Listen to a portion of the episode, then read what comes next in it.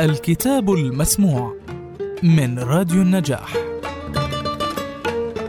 رأيت رام الله.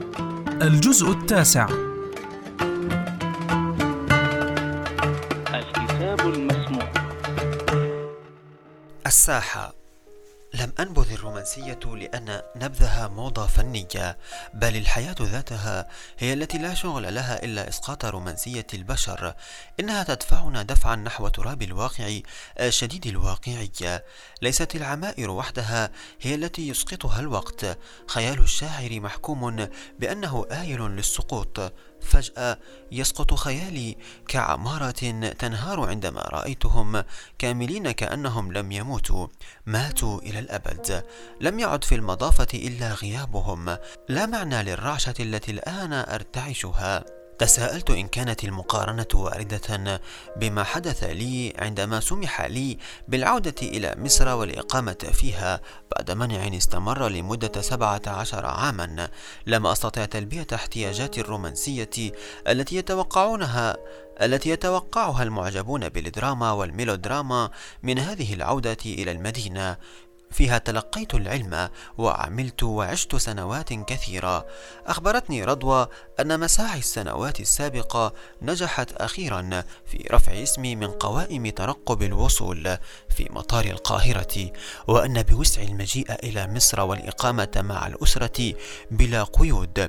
كنت وقتئذ في عمان أستعد للسفر إلى الدار البيضاء في المغرب. مدعوا من الأمانة العامة لاتحاد الأدباء والكتاب العرب من أجل الاشتراك في مهرجان الشعر العربي الذي يعقد عادة مرافقا للمؤتمر.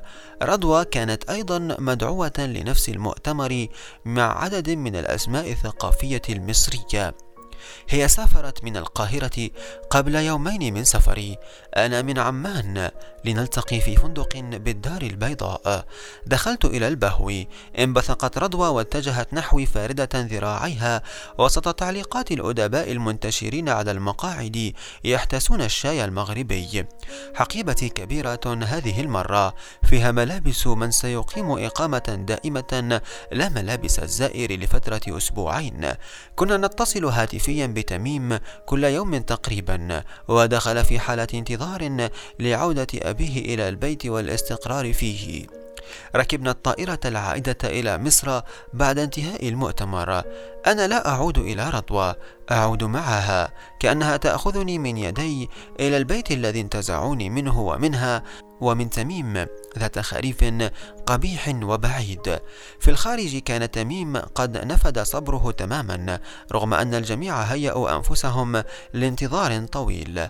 مطار القاهرة عموما من المطارات الصعبة للمسافر الملهوف. كل شيء يتم بتلكؤ لا يراه مسببوه تلكؤا بل ربما حسبوه إتقانا لعملهم. إنها وجهات نظر على أي حال. دخلنا البيت ليلا. أمر محير وغريب. كل العودات تتم ليلا. وكذلك الأعراس والهموم واللذة والإعتقالات والوفيات وأروع المباهج. الليل أطروحة النقائض. لم يغمض لنا نحن ثلاثة جفن. ثرثرنا أعمارنا المتفرقة في البيوت التي انضمت في تلك الليلة لتصبح بيتا. مع مرور الأيام بدأ يتضح لي ما كان غامضا. أنت لا تبتهج فورا بمجرد أن تضغط. الحياة زرا يدير دولاب الأحداث لصالحك. أنت لا تصل إلى نقطة البهجة المحلوم بها طويلا عبر السنوات وأنت أنت. إن السنوات محمولة على كتفيك. تفعل فعلها البطيء دون أن تقرع لك أي أجراس. أعود بعد أن وضعت بيدي جسدا منيف في العتمة التي لا يعود منها أحد. بعد أن عاد الخوف من الآتي يسيطر على أمي. تميم يستعد لامتحان الثانوية العامة وهي امتحانات كابوسية لكل تلميذ في مدارس مصر.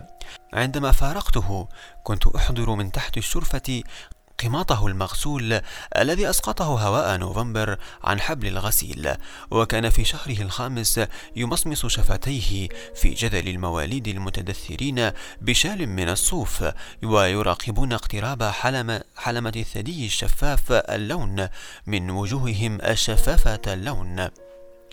هو الآن رجل يحلق ذقنه وشاربها منذ ثلاث سنوات تقريبا اشترينا له ماكينة الحلاقة وصابون الحلاقة وملابس لا تختلف في مقاسها عن ملابسي إلا بنمرة واحدة.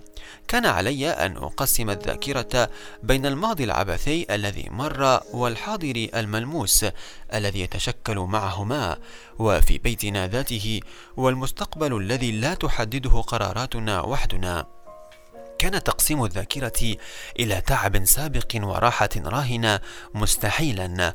الذاكرة ليست رقعة هندسية نرسمها بالمنقلة والفرجار والقرارات الرياضية والآلة الحاسبة بقعة من مجد السعادة تجاورها بقعة الألم المحمول على الأكتاف. اختل ميزان الاحتياج دون إرادة أي منا.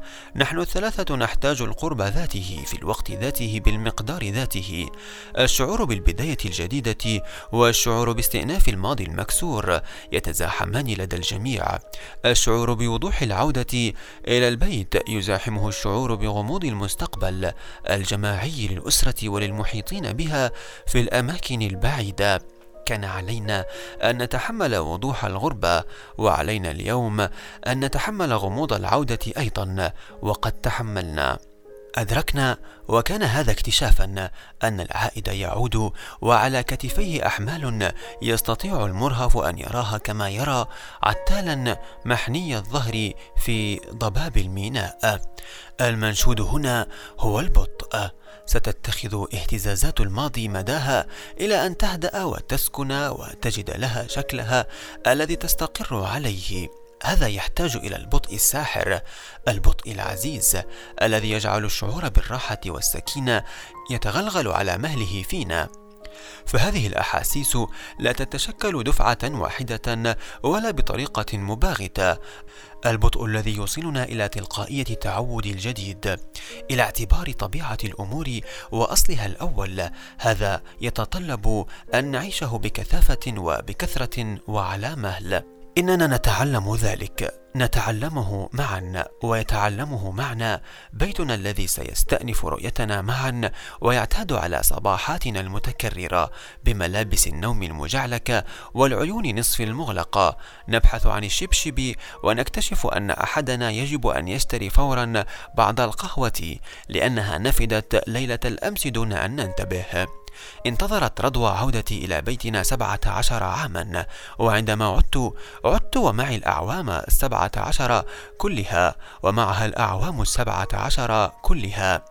منذ ترحيلي وفي كل مرة سمح لي بالعودة إلى القاهرة كنت أقضي أطول وقت ممكن في بيتنا دون أن أغادره إلى الشارع. كنت أتفرج على البيت.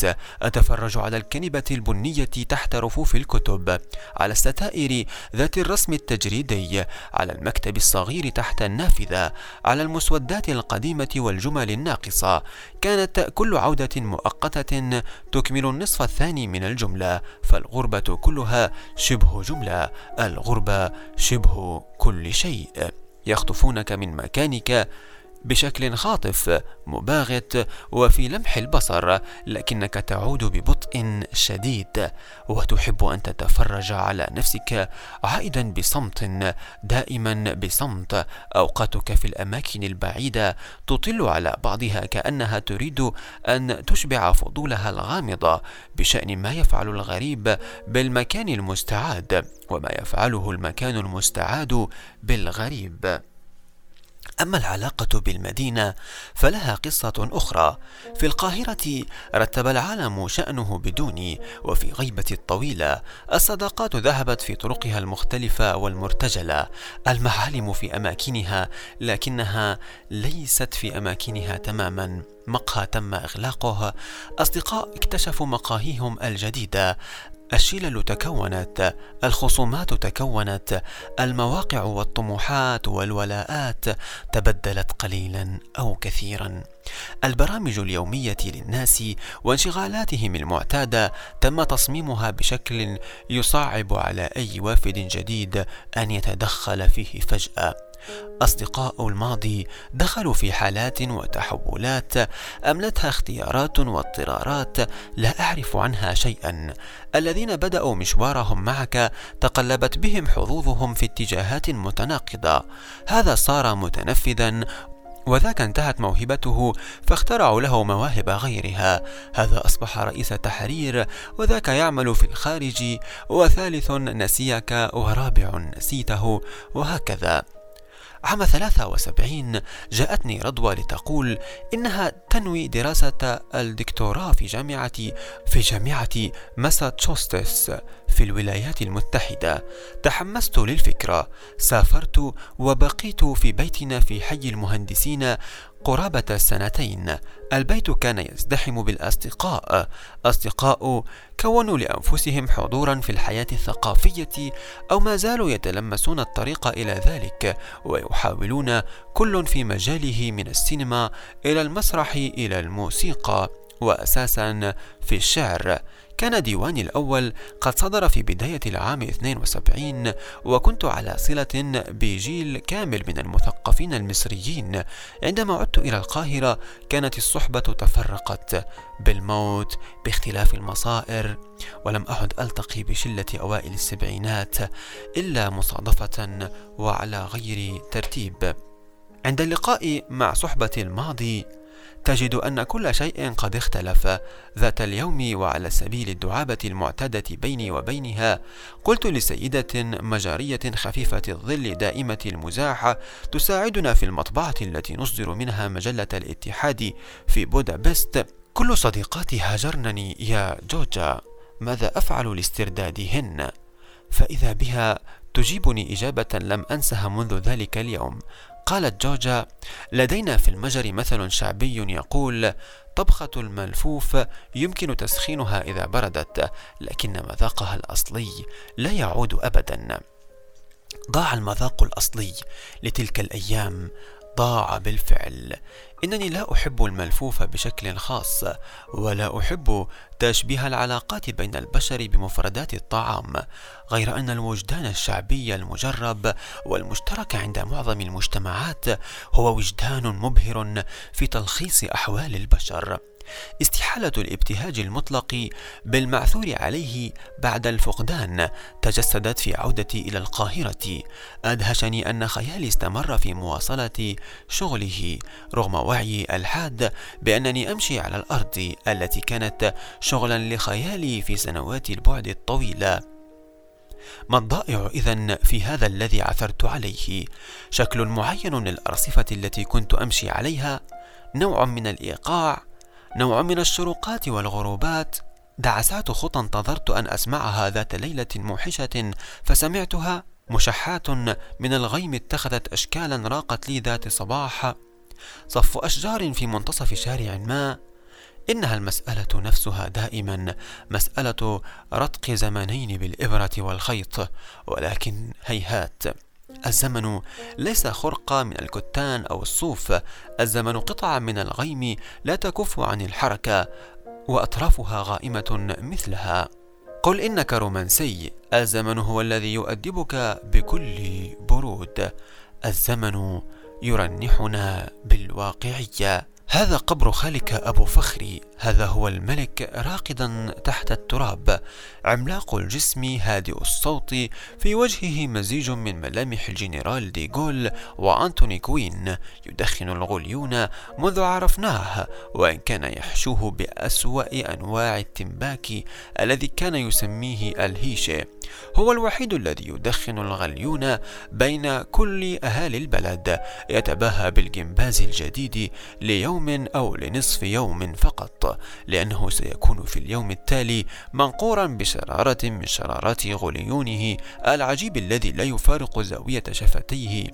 أدهشني عندما قال لي مرة خالك راح لبورسعيد يا ولد. وليش رحت يا خالي؟ فأجابني كأنني سألت سؤالا غبيا من شان أروح لبورسعيد؟ انطلق ببارودته ذات ليلة إلى البيطارة أرض زيتوناته خارج دير غسانة لأنه علم بوجود لصوص فيها يخرطون الزيتون فعاد بسبابته ملفوفة بالشاش لأنه صوب على يده. يعيش من دخله في مواسم الزيتون. لا تجد في جيبه قرشا في معظم أوقات السنة لكرمه بكل قليله المتاح وهو أكثر بشاشة مع أصدقائه منه مع خالة أم فخري التي تعلمت من كرمه المبالغ فيه حرصها المبالغ فيه. ذات مرة استغل غيابها عن البيت ودعا أولاد الجيران الصغار من نافذته فصعدوا إليه وأعطاهم كل ملابس أحفاده التي تصر خالتي على الاحتفاظ بها إلى الأبد. بعد أن ذهبوا استبد به الخوف من غضبها فاهتدى إلى ترتيب عجيب. أحضر حبلا وقيد نفسه في كرسي من الكراسي وجلس ينتظر. ولما عادت أفهمها أن لصوصا قيدوه هكذا وسرقوا ملابس أحفادها. لكنها كانت أيضا سيدة ذكية لم تنطلي عليها الرواية. طبعا وتحولت إلى نادرة من نوادر الأسرة. كانت خالتي أم فخري صغيرة الحجم بشكل ملفت خصوصا إذا سارت إلى جواره. عندما عبر الجسر معا إلى رام الله قادمين من عمان. أنهى الجندي الإسرائيلي معاملة خالي أبو فخري أولا لكنه ظل ينتظر في مكانه. حثه الجندي على المضي قدما فقال له إنه سينتظر المدام. وأشار إلى خالتي نظر الإسرائيلي إلى الخال أبو فخري العملاق وإلى خالتي ثم قال بعربية مكسرة كم سنة أنت مع المدام؟ خمسين سنة يا خواجة. فإذا بالإسرائيلي يقول له وهو يبتسم خمارة. شايفة يا أم فخري عرفني. كنت كاتب رسائله منذ تعلمت الكتابة لم أحب رجلا من أقربائنا جميعا قدر ما أحببته. مات خالي أبو فخري وأنا في بودابست. وتوزع أولاده وبناته بين السعودية والأردن والنمسا والإمارات والشام. لم يبقى في بيته أحد. كان حزني عليه ثم على ابنه فخري كبيرا. فخري أخذ من صفات أبيه الكرم والتلقائية والمرح. زارني في بودابست مع سعاد زوجته وأصغر بناته مولي. بعد سنوات قليلة توفي في السعودية ودفن هناك. فكاهاته وقفشاته وقاموسه اللغوي الخاص به وحده كانت تجعل محدثيه لا يكفون عن الضحك. هو دكان يوسف الجبين الذي كان فلاحا وحلاقا ودبيكا. سقط جداره الملاصق للمضافة وسقط سقفه على بقاياه ولا يزال الركام يسد مدخلها اقتربنا أكثر. حقل اللوز الذي تملكه أم نظمي التي كانت لا تطيق أن ترى طفلا منا يفوز بحبة لوز واحدة. من أشجاره الضخمة أصبح مقبرة. كان لا بد أن أطلب لها الرحمة اعتذارا عن صورتها التي تسللت إلى ذلك المقطع في قصيدة الشهوات شهوة للصوصية. شهوة للصوصية الطفل فينا. نغافل بخل العجوز التي وجهها مثل كعك تبلل بالماء. كي نسرق اللوز من حقلها متعة العمر أن لا ترانا. وأمتع منها إذا ما رأتنا مراجلنا في الهرب. وأمتع من كل هذا وأمتع من كل هذا إذا استلمت خيزرانتها واحدا وانضرب. بعد الغذاء اقترح أنيس أن نرتاح قليلا في بيته. دخلنا البيت الضخم المتعدد الحجرات من بوابته المنهارة المهدمة التي ما يزال ركامها مضلوقا كربوة صغيرة تكاد تمنع الدخول والخروج. شهيمة وزغلولة هما السيدتان الوحيدتان هنا متقاربتان في السن تجاوزتا السبعين ولم تتزوجا أبدا متقاربتان في حجمهما المائل للقصر لكن زغلولة أقصر من شهيمة قليلا. على وجهيهما تجاعيد متتابعة متماثلة يعشن في هذه الخرابة الشاسعة وحدهما ولا ثالث لهما وترفض أي منهما محادثة الأخرى. إنهما منذ سنوات في حالة مقاطعة وخصام دائمة قدمنا لكم من راديو النجاح برنامج الكتاب المسموع. وحلقة اليوم من كتاب رأيت رام الله الجزء التاسع. الكتاب المسموع.